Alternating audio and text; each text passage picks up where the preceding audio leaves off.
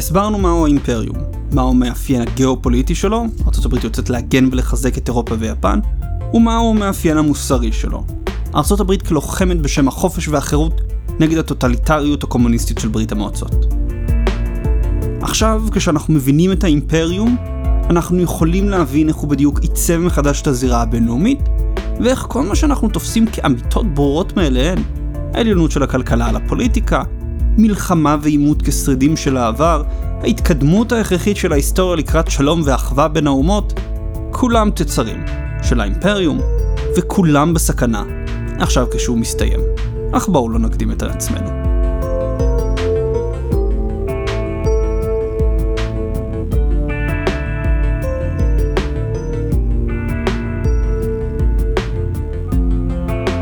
המונח פקס אמריקנה, שלום אמריקני, נועד לתאר את תקופת השלום היחסית בזירה הבינלאומית אחרי 1945 בחסות ארצות הברית. אם כמובן תשאלו מישהו שנולד בישראל ב-1945, באנגולה או בווייטנאם, הוא לא ממש יבין על מה אתם מדברים. הפקס היה בעיקר למעצמות הגדולות של העולם, כמו גרמניה, יפן או בריטניה. ארצות הברית הביאה שלום לאזור שהיה תחת השפעתה, במיוחד במערב אירופה. עבור המדינות בתפר שבין אזור ההשפעה הסובייטי והאמריקני, התקופה הייתה הכל חוץ משלום. ישראל נלחמה על קיומה מספר פעמים מול מדינות ערב, הודו סין ידעה מלחמות אזרחים, פלישה של כוחות זרים ורצח עם, הודו ופקיסטן נלחמו זו בזו, באתיופיה ואנגולה התנהלו מלחמות אזרחים, ובדרום ומרכז אמריקה חונטות צבאיות וארגוני גרילה טבחו זה בזה, וכמובן באוכלוסייה האזרחית. אנחנו צריכים לחשוב מחדש על הפקס אמריקנה כדי שיתאר במדויק יותר את המציאות של המלחמה הקרה. המטרה של הפרק היום היא להבין איך האימפריום של האמריקנים עיצב מחדש את הזירה הבינלאומית. אנחנו ניקח את המונח פקס אמריקנה ונגדיר אותו מחדש בתוך התיאוריה הכוללת שלנו של האימפריום והפוסט אימפריום.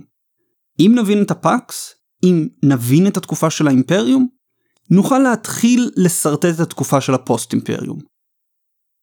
בפרק היום נראה את הבשורה של ארה"ב לכלכלה העולמית והגלובליזציה, למלחמות הנצחיות של אירופה ולרעב התמידי של יפן למשאבים. ואנחנו מתחילים מיד אחרי ההודעה הבאה.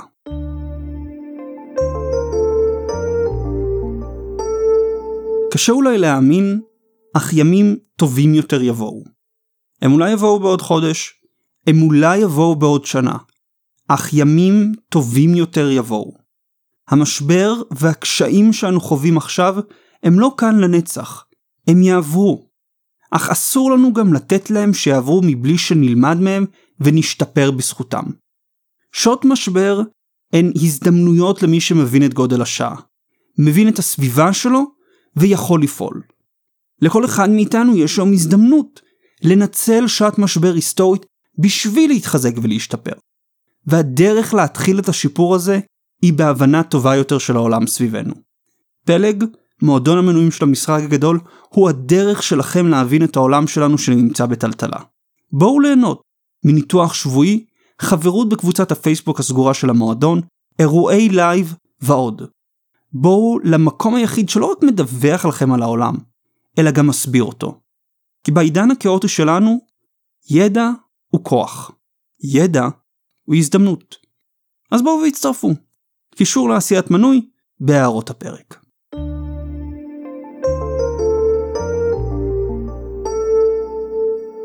הגדרנו את האימפריום כרעיון שארצות הברית צריכה להגן על המדינות החופשיות מפני תוקפנות סובייטית ולקדם את הערכים של דמוקרטיה, שוק חופשי וסחר בינלאומי כדי להוכיח לסובייטים שהערכים שלהם שגויים ולהביא לשינוי בהתנהגותם. האימפריום דורש מארצות הברית שני דברים. ראשית, הוא דורש מארצות הברית לבלום תוקפנות צבאית של הסובייטים היכן שלא תהיה. ושנית, הוא דורש מארצות הברית לקדם את הדמוקרטיה והשוק החופשי בקרב המדינות החופשיות. להנהיג אותן לקראת שפע חומרי וכוח צבאי.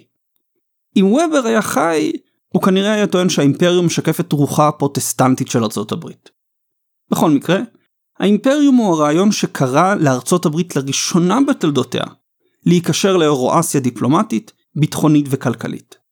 השאלה המתבקשת עכשיו היא, מה היו ההשפעות של אותו רעיון ואיך הוא שינה את עולמנו.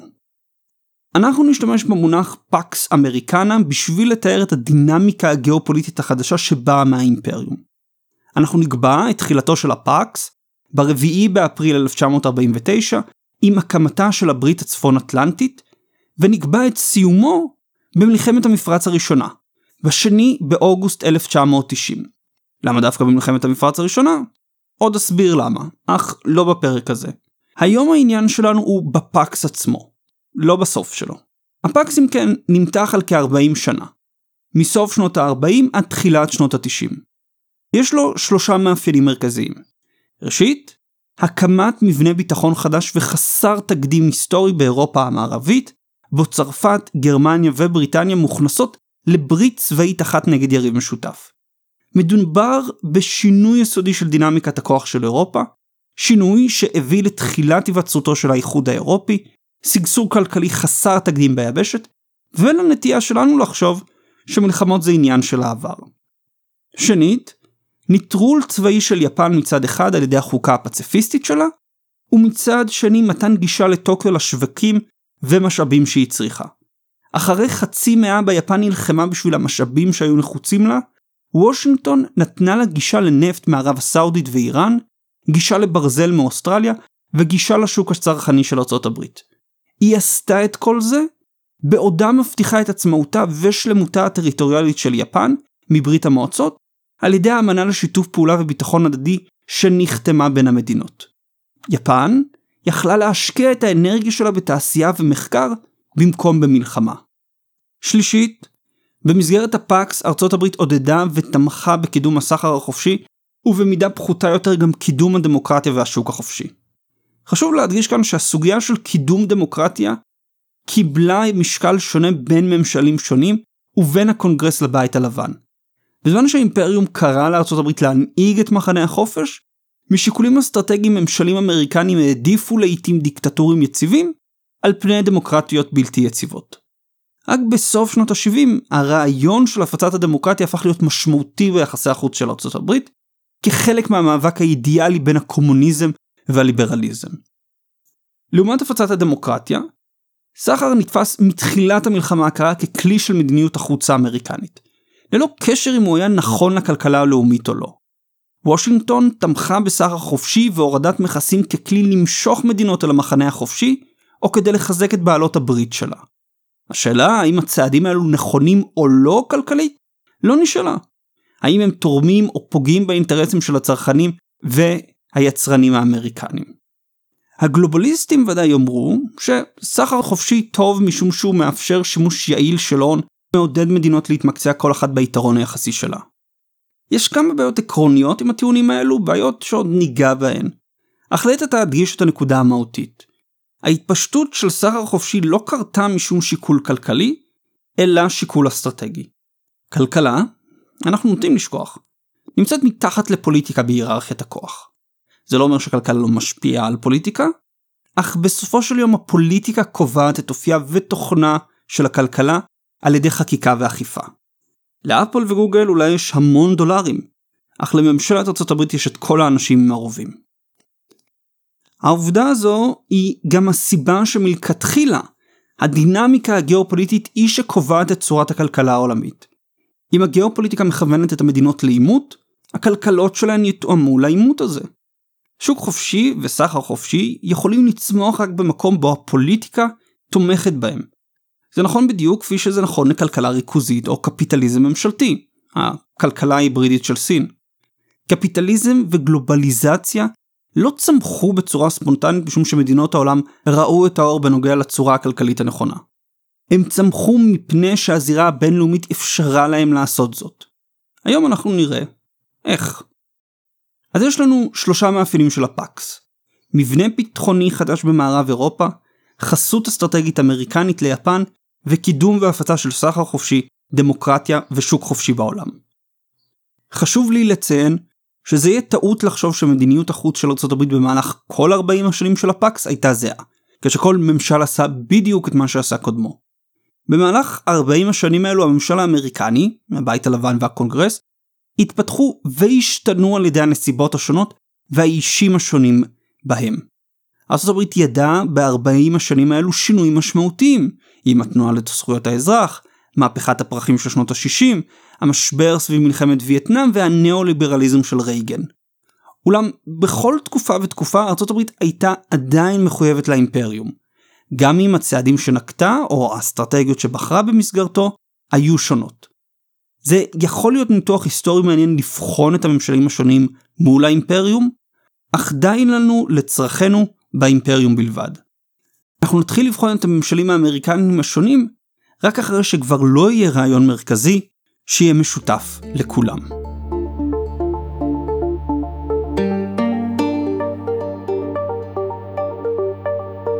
אולי אין עוד יבשת שהאימפריום שינתה אותה כמו אירופה.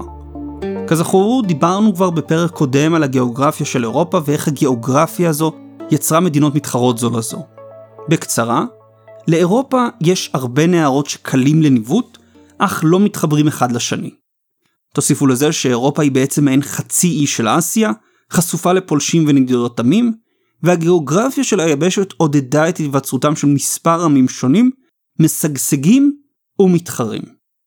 מאז מלחמת 30 השנים העמים האלו החלו לסדר את עצמם במדינות מתחרות, כשכל עידן בדיפלומטיה האירופית אופיין על ידי איום אחר על היבשת. בין 1650 ל-1815 הייתה זאת צרפת שאיימה להפוך להגמון באירופה, בין 1815 ל-1870 הייתה זו רוסיה במזרח שאיימה לדחוק את בריטניה מאירו-אסיה ולהפוך להגמון האירופי החדש, בין 1870 ל-1945 הייתה זו גרמניה, שמשום חוסר הביטחון הגיאוגרפי שלה ניסתה להכניס את כל אירופה תחת שלטונה. אחרי מלחמת העולם השנייה, אירופה הייתה מוכנה להיכנס לעידן חדש במציאות הרב-קוטבית, עם האיום הרוסי במזרח. ההתפשטות הרוסית לתוך מזרח אירופה במהלך מלחמת העולם השנייה הציבה אותה ב-1945 על סף דלתן של איטליה, צרפת, בריטניה וטורקיה. גרמניה הייתה מחולקת בין הכוחות המערביים וברית המועצות, אך גם אם הייתה שבה כמדינה עצמאית, הסובייטים לא היו מרשים לה לשוב כמדינה במחנה המערבי. המקסימום שהסובייטים היו מוכנים לו, הוא מדינה גרמנית מאוחדת וניטרלית. אולי אף מפורזת, שתהיה קלה למניפולציה אודות לכוחות הצבא האדום בפולין וצ'כוסלובקיה. הבעיה בעידן הרב קוטבי הזה, אם היה נוצר, והוא היה נוצר אם האמריקנים היו מודיעים שהם משיגים את כוחותיהם ומאחלים ללונדון בהצלחה, הוא שברית המועצות הייתה חזקה מכדי שהמעצמות האירופאיות יוכלו לאזן מולה לבדן. אוכלוסיית ברית המועצות ב-1946 מנתה לבדה 170 מיליון איש, בעוד אוכלוסיית בריטניה מנתה 47 מיליון, זו של צרפת 41 מיליון, ושל איטליה 45 מיליון. הכלכלות של שלוש המדינות היו הרוסות עקב המלחמה, עם בריחה עצומה של הון לארצות הברית. מה שיצר קשיים מוניטריים משמעותיים. בצרפת ואיטליה היו מפלגות קומוניסטיות גדולות שניצלו את המשבר הכלכלי בשביל להרוויח הון פוליטי.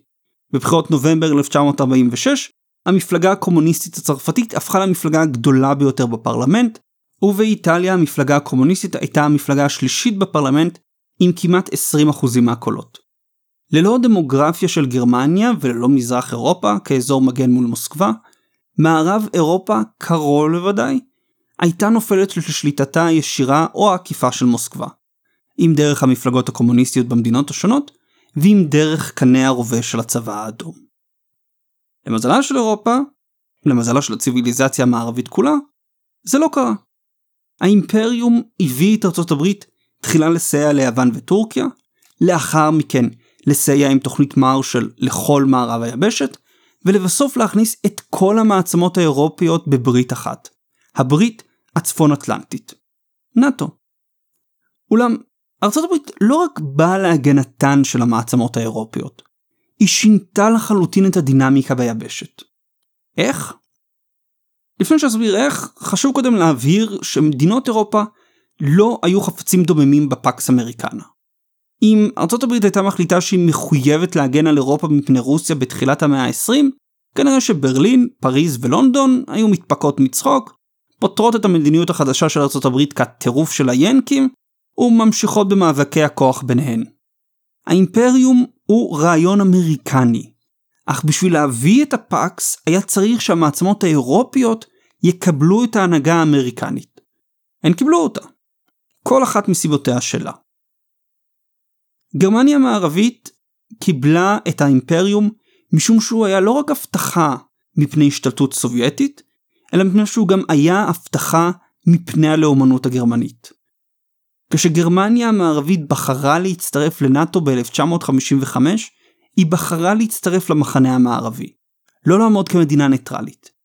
היא הייתה יכולה לשחק בוושינגטון ובמוסקבה בשביל להביא לאיחוד מחדש של גרמניה, מה שהיה יוצר מדינה גרמנית ניטרלית בין המחנה המזרחי למחנה המערבי. מדינה כזו, אם הייתה רוצה לשמור על עצמאותה, הייתה במוקדם או במאוחר, חוזרת למדיניות הלאומנית של התחמשות ושיסוע הענקים משני צדדיה זה בזה. האימפריום היה הזדמנות של גרמניה להתחיל מחדש, ולראשונה לעמוד עם המערב במקום נגדו. עבור בריטניה, האימפריום האמריקני היה הזדמנות להמשיך ולשמור על השפעתה בעולם גם אחרי התמוטטות האימפריה. אפשר לומר שהאסטרטגיה של לונדון מאז 1945 ובמיוחד מאז משבר סואץ של 1956 הוא ללכת עם ארצות הברית, תוך הגדלת ההשפעה שלה על מקבלי ההחלטות בוושינגטון. במקום לעצב לעצמה מקום חדש בעולם, או להילחם על האימפריה המתמוטטת שלה, בריטניה השלימה עם הדומיננטיות האמריקנית, והחליטה להשתמש בדומיננטיות הזו כדי להבטיח את מקומה בעולם. הרי תמיד האיום המרכזי על בריטניה היה מאירופה, והישועה שלה הייתה מעבר לים, במושבות הגדולות ובמיוחד היהלום שבכתר, הודו. עם עיבוד הנכסים הקולוניאליסטים, הנכס היחיד שנותר לה היה היחסים המיוחדים עם ארצות הברית. במקום להתעקש לשמור על מקומה כאימפריה, בריטניה בחרה להשלים עם ארצות הברית במרכז הבמה, ולהפוך את עצמה ליועצת עבור מנהיגת העולם המערבי. על ידי טיפוח היחסים עם וושינגטון, בריטניה יכלה לשמור על מקומה בשולחן המעצמות, גם כשאיבדה כמעט את כל נכסיה מעבר לים. אם בריטניה קיבלה את האימפריום כדרך חדשה לשמור על הרלוונטיות שלה, וגרמניה קיבלה אותו כהתחלה חדשה בשבילה, צרפת השלימה עמו בחוסר רצון מופגן ותוך התרסה מתמדת. עוד בימי רשליה, צרפת ראתה בעצמה אומה ייחודית. ותחושת הייחודיות ההיסטורית לא הסתלקה גם כשגרמניה הדיחה אותה ממקומה כמעצמה היבשית החזקה ביותר באירופה. אחרי מלחמת העולם השנייה והתבוסה המבישה לגרמנים, דה גול ביקש להחזיר לצרפת את כבודה העצמי, ולהפוך אותה שוב למעצמה עולמית, גם אם במחיר מאבק עם האמריקנים. צרפת היא אולי המעצמה היחידה שהצטרפות למחנה האמריקני לא לקחה ממנה את כוחה הצבאי ועמדתה העצמאית בעולם. בזמן שדה גול השלים בחוסר רצון עם העובדה שללא ארצות הברית מערב אירופה אינה יכולה להתגונן מפני רוסיה, הוא ביקש לגבש מערך ביטחוני אירופי עצמאי מהאמריקנים. כלומר, מערך שבו אירופה לבדה אחראית לביטחונה, וארצות הברית היא רק שותפה אסטרטגית לאירופה. דה גול רצה אירופה מאוחדת, בצרפת תהיה המנהיגה הפוליטית, גרמניה תהיה הכוח הכלכלי, והאיחוד יוכל להגן על עצמו בכוחות עצמו, כולל בנשק גרעיני. איחוד כזה היה פותר שתי בעיות מהותיות של אירופה. ראשית, הוא היה מנטה מחדש את השאיפות הלאומיות של גרמניה, הרחק מכוח לאומי לעבר אחדות אירופית. אם אירופה כולה תהיה מאוחדת, לא תהיה עוד לגרמניה סיבה לחשוש מצרפת או פולין, ולא תהיה לה סיבה לבקש לחמש את עצמה ולהלך אימים על היבשת. איחוד אירופי יציע לגרמניה ביטחון ושגשוג בדרכי שלום, וירתום את המרץ התעשייתי שלה לרווחתה של היבשת כולה. שנית, איחוד אירופי הוא הדרך היחידה בה צרפת תוכל להמשיך ולהיות רלוונטית על במת העולם. לבדה, צרפת לא יכלה להשתוות לכוח הדמוגרפי, הכלכלי והצבאי של ברית המועצות או ארצות הברית. הדרך היחידה שצרפת תהפוך למעצמת על היא אם אירופה כולה תאוחד וצרפת תעמוד בראשה כמנהיגה פוליטית. האיחוד האירופי היה בעיני דה גול הדרך היחידה לצרפת בפרט, ולאירופה בכלל, לעמוד באופן עצמאי מול ברית המועצות וארצות הברית יחד. הבעיה עם חזונו של דה גול לאירופה מאוחדת, וזו בעיה שתעסיק אותנו בפוסט אימפריום, היא שבשביל להגשים את החזון הוא היה צריך את האמריקנים במערב אירופה ואת הרוסים במזרח. ללא שני הענקים האלו, חזון האיחוד לא היה מתקדם מעבר להצהרות ונאומים. ראשית, הנוכחות הסובייטית במזרח אירופה ניתקה את איטליה וגרמניה מהבלקנים, פולין ואגן הדנובה. לא הייתה למדינות האלו לאן לפנות חוץ ממערבה, לכיוון צרפת, בריטניה וארצות הברית, אם כלכלית ואם דיפלומטית. השליטה של מוסקבה בעמים במזרח גם צמצמה את מספר השחקנים הפוטנציאליים להצטרפות לאיחוד, כשאלו הנותרים ממוקמים כולם במערב אירופה, מה שנתן לאיחוד, בתחילת דרכו, מבנה גיאופוליטי אחיד פחות או יותר. שנית, גרמניה הייתה מוכנה להצטרף לצרפתים בהקמת אירופה מאוחדת, מתוך ידיעה שאת המערך הביטחוני של היבשת ינהלו האמריקנים. כל עוד ארצות הברית בתמונה, גרמניה לא צריכה לדאוג מצרפת, צרפת לא צריכה לדאוג מגרמניה, ובריטניה לא צריכה לדאוג מהאיחוד בין המדינות. כפי שניסח זאת המזכיר הראשון של נאט"ו, מטרת הארגון היא לשמור את הרוסים בחוץ, האמריקנים בפנים והגרמנים למטה. עם האמריקנים לא הייתה עוד סיבה לשתי המדינות לחשוש צבאית זו מזו, לפחות לא באותה מידה כמו לפני מלחמת העולם השנייה. הנוכחות האמריקנית גם הייתה, בסופו של יום, הערבות היחידה מפני פלישה סובייטית. צרפת, עם כל שיגעון הגדלות שלה, לא הייתה יריבה שוות ערך לברית המועצות. לא דמוגרפית, לא צבאית ולא גרעינית. בזמן שדיגול חיזר במהלך שנות ה-60 אחר ליבה של גרמניה המערבית, גרמניה המערבית ידעה שבסופו של יום, הנוכחות האמריקנית היא ששומרת על גרמניה. אם האמריקנים לא היו מקימים את נאט"ו, הגרמנים היו מעדיפים לחפש יחסים חדשים עם ברית המועצות גם על חשבון פריז. פשוט משום הפרשי הכוחות העצומים שבין פריז ומוסקבה.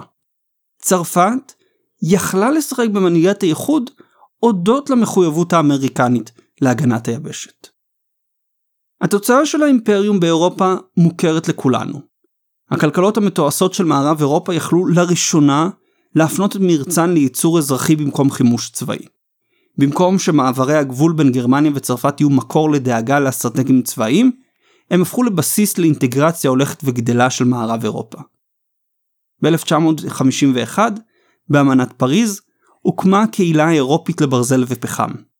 ב-1957 חתמו מדינות מערב אירופה על אמנת רומא, שהקימה את הקהילה הכלכלית האירופית במטרה מוצהרת של אינטגרציה כלכלית ואיחוד שלם יותר של אירופה. הקהילה הכלכלית האירופית המשיכה והתפתחה עם השנים, המשיכה והתרחבה, מוסיפה עוד מדינות לשוק המשותף ומרחיבה את המנגנונים הפוליטיים שלה. עד שב-1993 הקהילה הוחלפה במה שאנחנו מכירים היום כאיחוד האירופי. השלום במערב אירופה, האינטגרציה הכלכלית והאיחוד הפוליטי, כולם גרמו לעיוותים בראייה שלנו את העולם. משום שההיסטוריה שאנו מכירים היא אירוצנטרית, ומפני שרוב שנותיה של אירופה עברו במלחמה כזו או אחרת, השלום במערב אירופה הביא את התפיסה שהעולם הופך פחות ופחות אלים. שהמלחמה הפכה למשהו של ימים עברו ושהאנושות הצליחה, איכשהו, להתגבר על הטבע האלים שלה. ההשקפה הזו מעוותת את ההבנה שלנו את העולם סביבנו. הסיבה שאנחנו חושבים שהעולם הפך פחות אלים, היא משום שב-75 השנים האחרונות המעצמות התעשייתיות לא נלחמו זו בזו. זה הכל. מספר ההרוגים הכולל במלחמות נמצא בירידה משום שלא משנה כמה נמרצים יהיו לוחמי גרילה באפריקה או חונטות במרכז אמריקה, הם לא יוכלו להתחרות בהיקף ההרוגים שיוצרת מלחמה מתועסת. אז מצב השלום באירופה, מצב שלום שנוצר הודות לאימפריום האמריקני, מעוות את הראייה שלנו. זירת הסכסוך העקובה ביותר מדם של העולם, מערב אירופה, הפסיקה להילחם.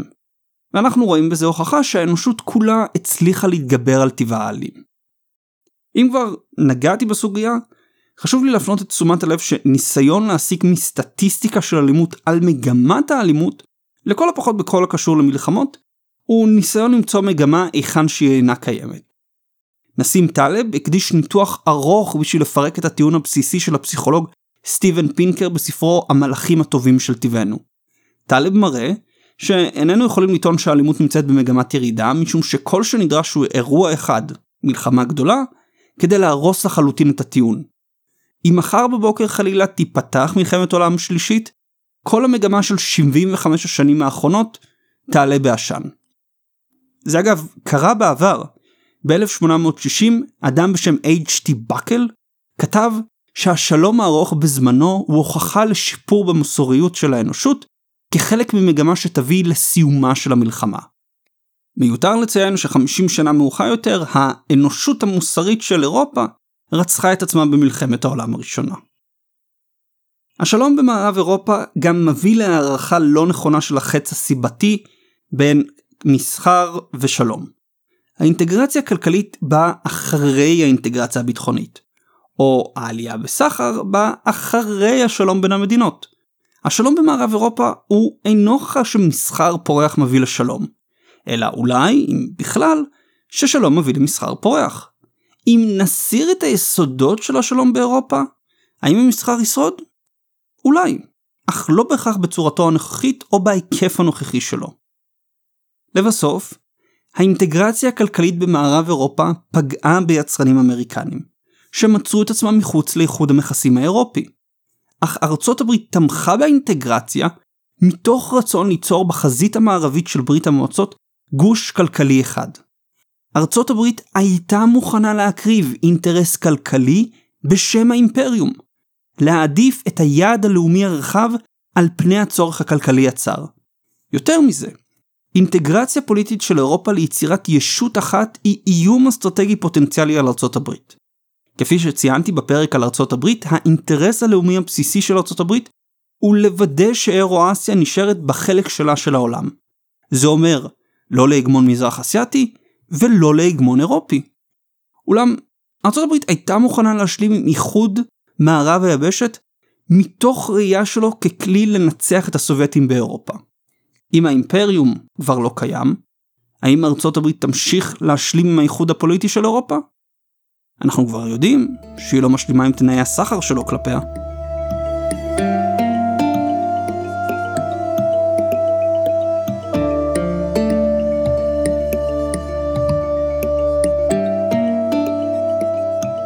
אם באירופה ארצות הברית שינתה את הדינמיקה הגיאופוליטית, עבור יפן ארצות הברית הציעה נתיב חדש להתפתחות שלא דורש כיבוש ושליטה בעמים אחרים.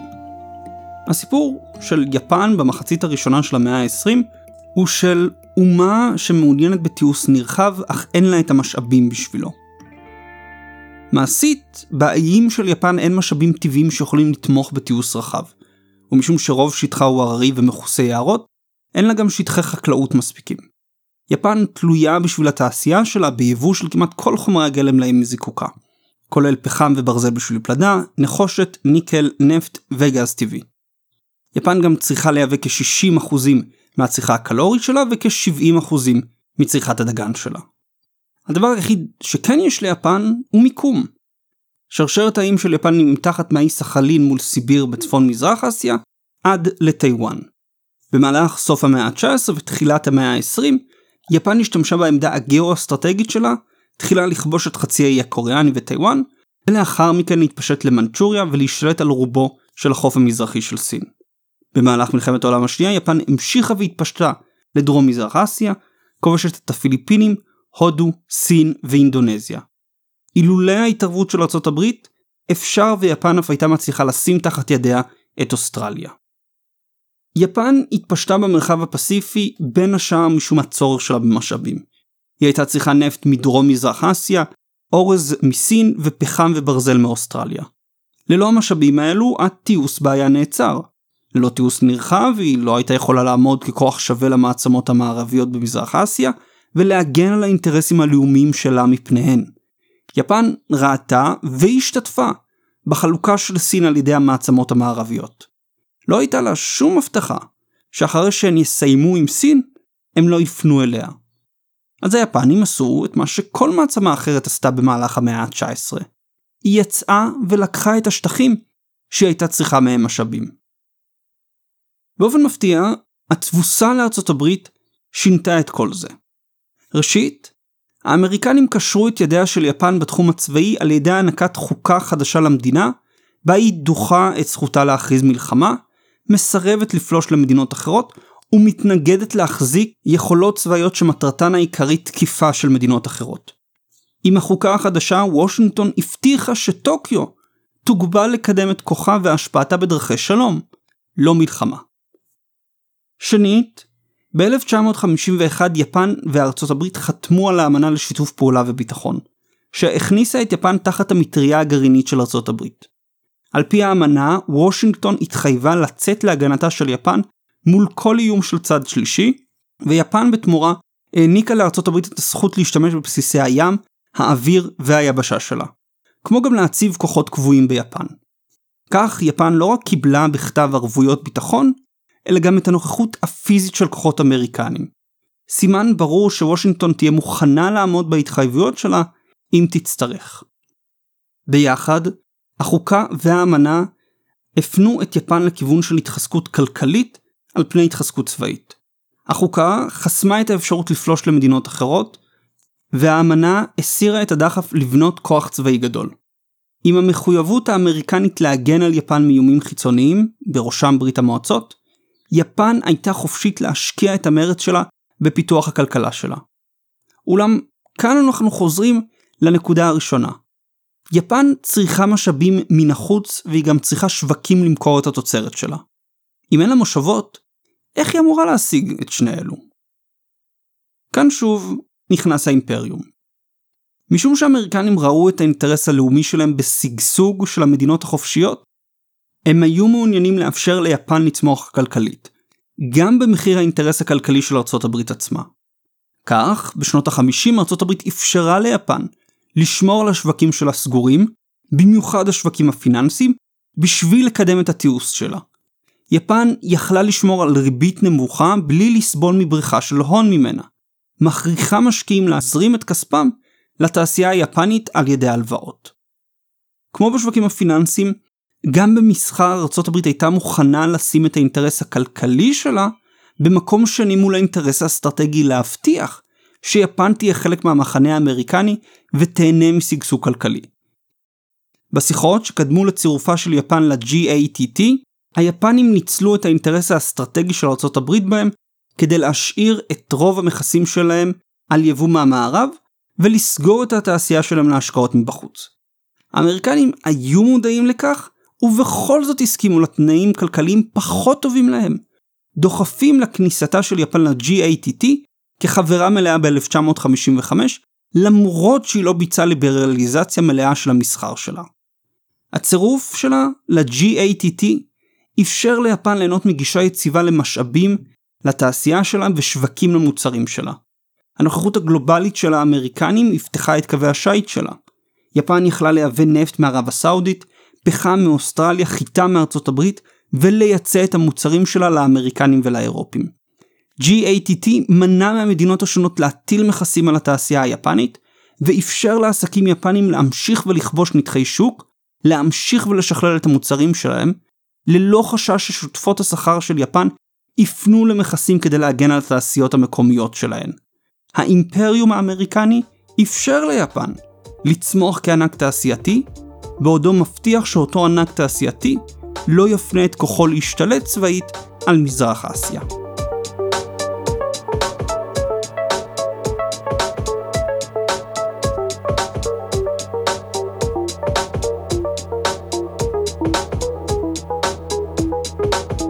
הפקס אמריקנה שינה לחלוטין את איך שאנחנו חושבים וחיים את העולם.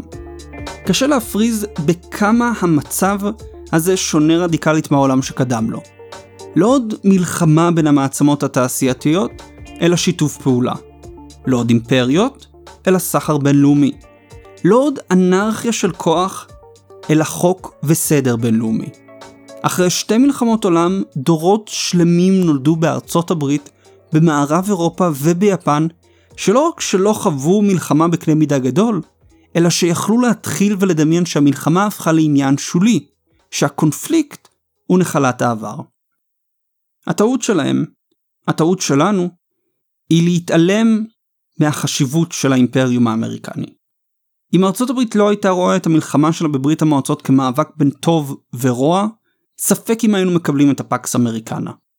גם אם ארצות הברית הייתה רואה חשיבות לאזן מול ברית המועצות, היא הייתה יכולה לעשות זאת על ידי קשרים צבאיים עם בריטניה, צרפת ויפן. במקום זאת, הברית הייתה מוכנה לעשות יותר מרק להציב כוחות צבא. היא התחייבה להגן צבאית על מערב אירופה ויפן. היא הייתה מוכנה לאפשר לבעלי הברית שלה לפתח את כלכלתם גם במחיר פגיעה באינטרס הכלכלי האמריקני. היא הייתה מוכנה לאבד את היתרון התחרותי שלה במערב אירופה ולאפשר ליפן להמשיך ולהיות סגורה לה בשביל המטרה העליונה של להוכיח לברית המועצות שארצות הברית וערכיה הם הצודקים. הודות לאימפריום, בפעם הראשונה בהיסטוריה המונח המערב קיבל משמעות מדינית קונקרטית, כמחנה של המדינות החופשיות בהובלת ארצות הברית. עד 1945 לדבר על המערב כישות מדינית הוא מגוחך, משום התחרויות הרבות בין בריטניה לצרפת, בין שתיהן לגרמניה ובין אירופה לארצות הברית. אך עם בואו של האימפריום נוצר גם המערב, שלראשונה פעל, פחות או יותר, ביחד בשביל לבלום את הסובייטים. האימפריום גם הביא לסיום של האימפריות הקולוניאליסטיות של המעצמות האירופאיות, בראשן בריטניה וצרפת. עם משבר סואץ ב-1956, ארצות הברית הבהירה לשתי המדינות שהמחויבות שלה אליהן אינה כוללת את האינטרסים האימפריאליסטיים שלהן, וללא תמיכה אמריקנית שתיהן היו חלשות מדי להחזיק לבדן במושבות שלהן מעבר לים. אפריקה סוף סוף שוחררה מעול הקולוניאליסטים, כחלק מהראייה של ארה"ב את עצמה כמדינה אנטי אימפריאליסטית וידידה של העולם המתפתח. אתם יכולים לנקוט בגישה צינית ולגחך על הראייה של ארה"ב את עצמה כמדינה אנטי אימפריאליסטית. אך אני רוצה שוב לחזור על הנקודה שהדגשתי עוד בהתחלה. האימפריום האמריקני הוא לא אימפריאליזם אמריקני. יהיה אשר יהיה השיפוט שלכם את האופי האמריקני ומעמדה המוסרי, האימפריום שהיא קיבלה בסוף מלחמת העולם השנייה היה אימפריום שהביא איתו בעיקר חובות, לא זכויות. איזו עוד מדינה, אחרי שהביסה את יריביה, התחייבה להגן עליהם ופתחה את השוק שלה אליהן? איזה עוד מדינה, אחרי מאמץ צבאי אדיר, בחרה לא לקחת נכסים וזכויות לעצמה, אלא דווקא להעניק את התנאים שיאפשרו למדינות אחרות לצמוח ולשגשג גם אם הדבר יפגע באינטרס הכלכלי שלה. האימפריום היה פרי האידיאליזם האמריקני והרצון ליצור סדר ליברלי המבוסס על החוק הבינלאומי, התנגדות למלחמה ועידוד של סחר בינלאומי. במשך 40 שנה, המדינות המתועשות של העולם נהנו מהפקס, ויכלו תחת האימפריום לפתח את המסחר ביניהן, לבנות את הכלכלות שלהן, ואף לשלוח סיוע למדינות המתפתחות. במשך 40 שנה, למרות המאבק לכוח בין ברית המועצות לארצות הברית, מערב אירופה ידע רק אינטגרציה גדלה והולכת, ויפן חוותה נס כלכלי מבלי לכבוש לעצמה מושבות חדשות. כוחות אמריקנים מחצי האי קוריאני במזרח דרך וייטנאם, המפרץ הפרסי ועד מרכז אירופה, בלמו את ההתפשטות הקומוניסטית והגנו על מחנה החופש. האם לכל אורך 40 השנים של הפקס ארצות הברית ובעלות בריתה היו בתמימות דעים? ודאי שלא. האם ארצות הברית תמיד הסכימה לשים את האינטרס הכלכלי שלה במקום שני? גם לא. הפקס אמריקני הוא תקופה שמלאה באירועים היסטוריים, בוויכוחים בין בעלי ברית, ואפילו לעיתים בנסיגות זמניות במחויבות של ארצות הברית לזירות ספציפיות. אך לכל אורך הפקס, המטרה של ארצות הברית הייתה ברורה. לשכנע את הסובייטים שהדרך שלהם היא הלא נכונה, ולהביא אותם לבחור בדרך של דיאלוג עם המערב במקום תוקפנות נגדו. כל 40 השנים של הפקס הם עדות לכוחו של האימפריום, אך הן אינן עדות לשינוי מהותי בטבעו של האדם. הדינמיקה הגיאופוליטית השתנתה, והיא יצרה שינוי בהתנהגות של השחקנים הבינלאומיים. קחו את האימפריום, וכל מה שאנחנו תופסים כמובן מאליו, יועמד תחת סימן שאלה. אולם, לפני שאנחנו באים להעמיד את סימני השאלה האלו, חסר לנו עוד חלק אחד. ארצות הברית התחייבה להנהיג את העולם מול הסובייטים.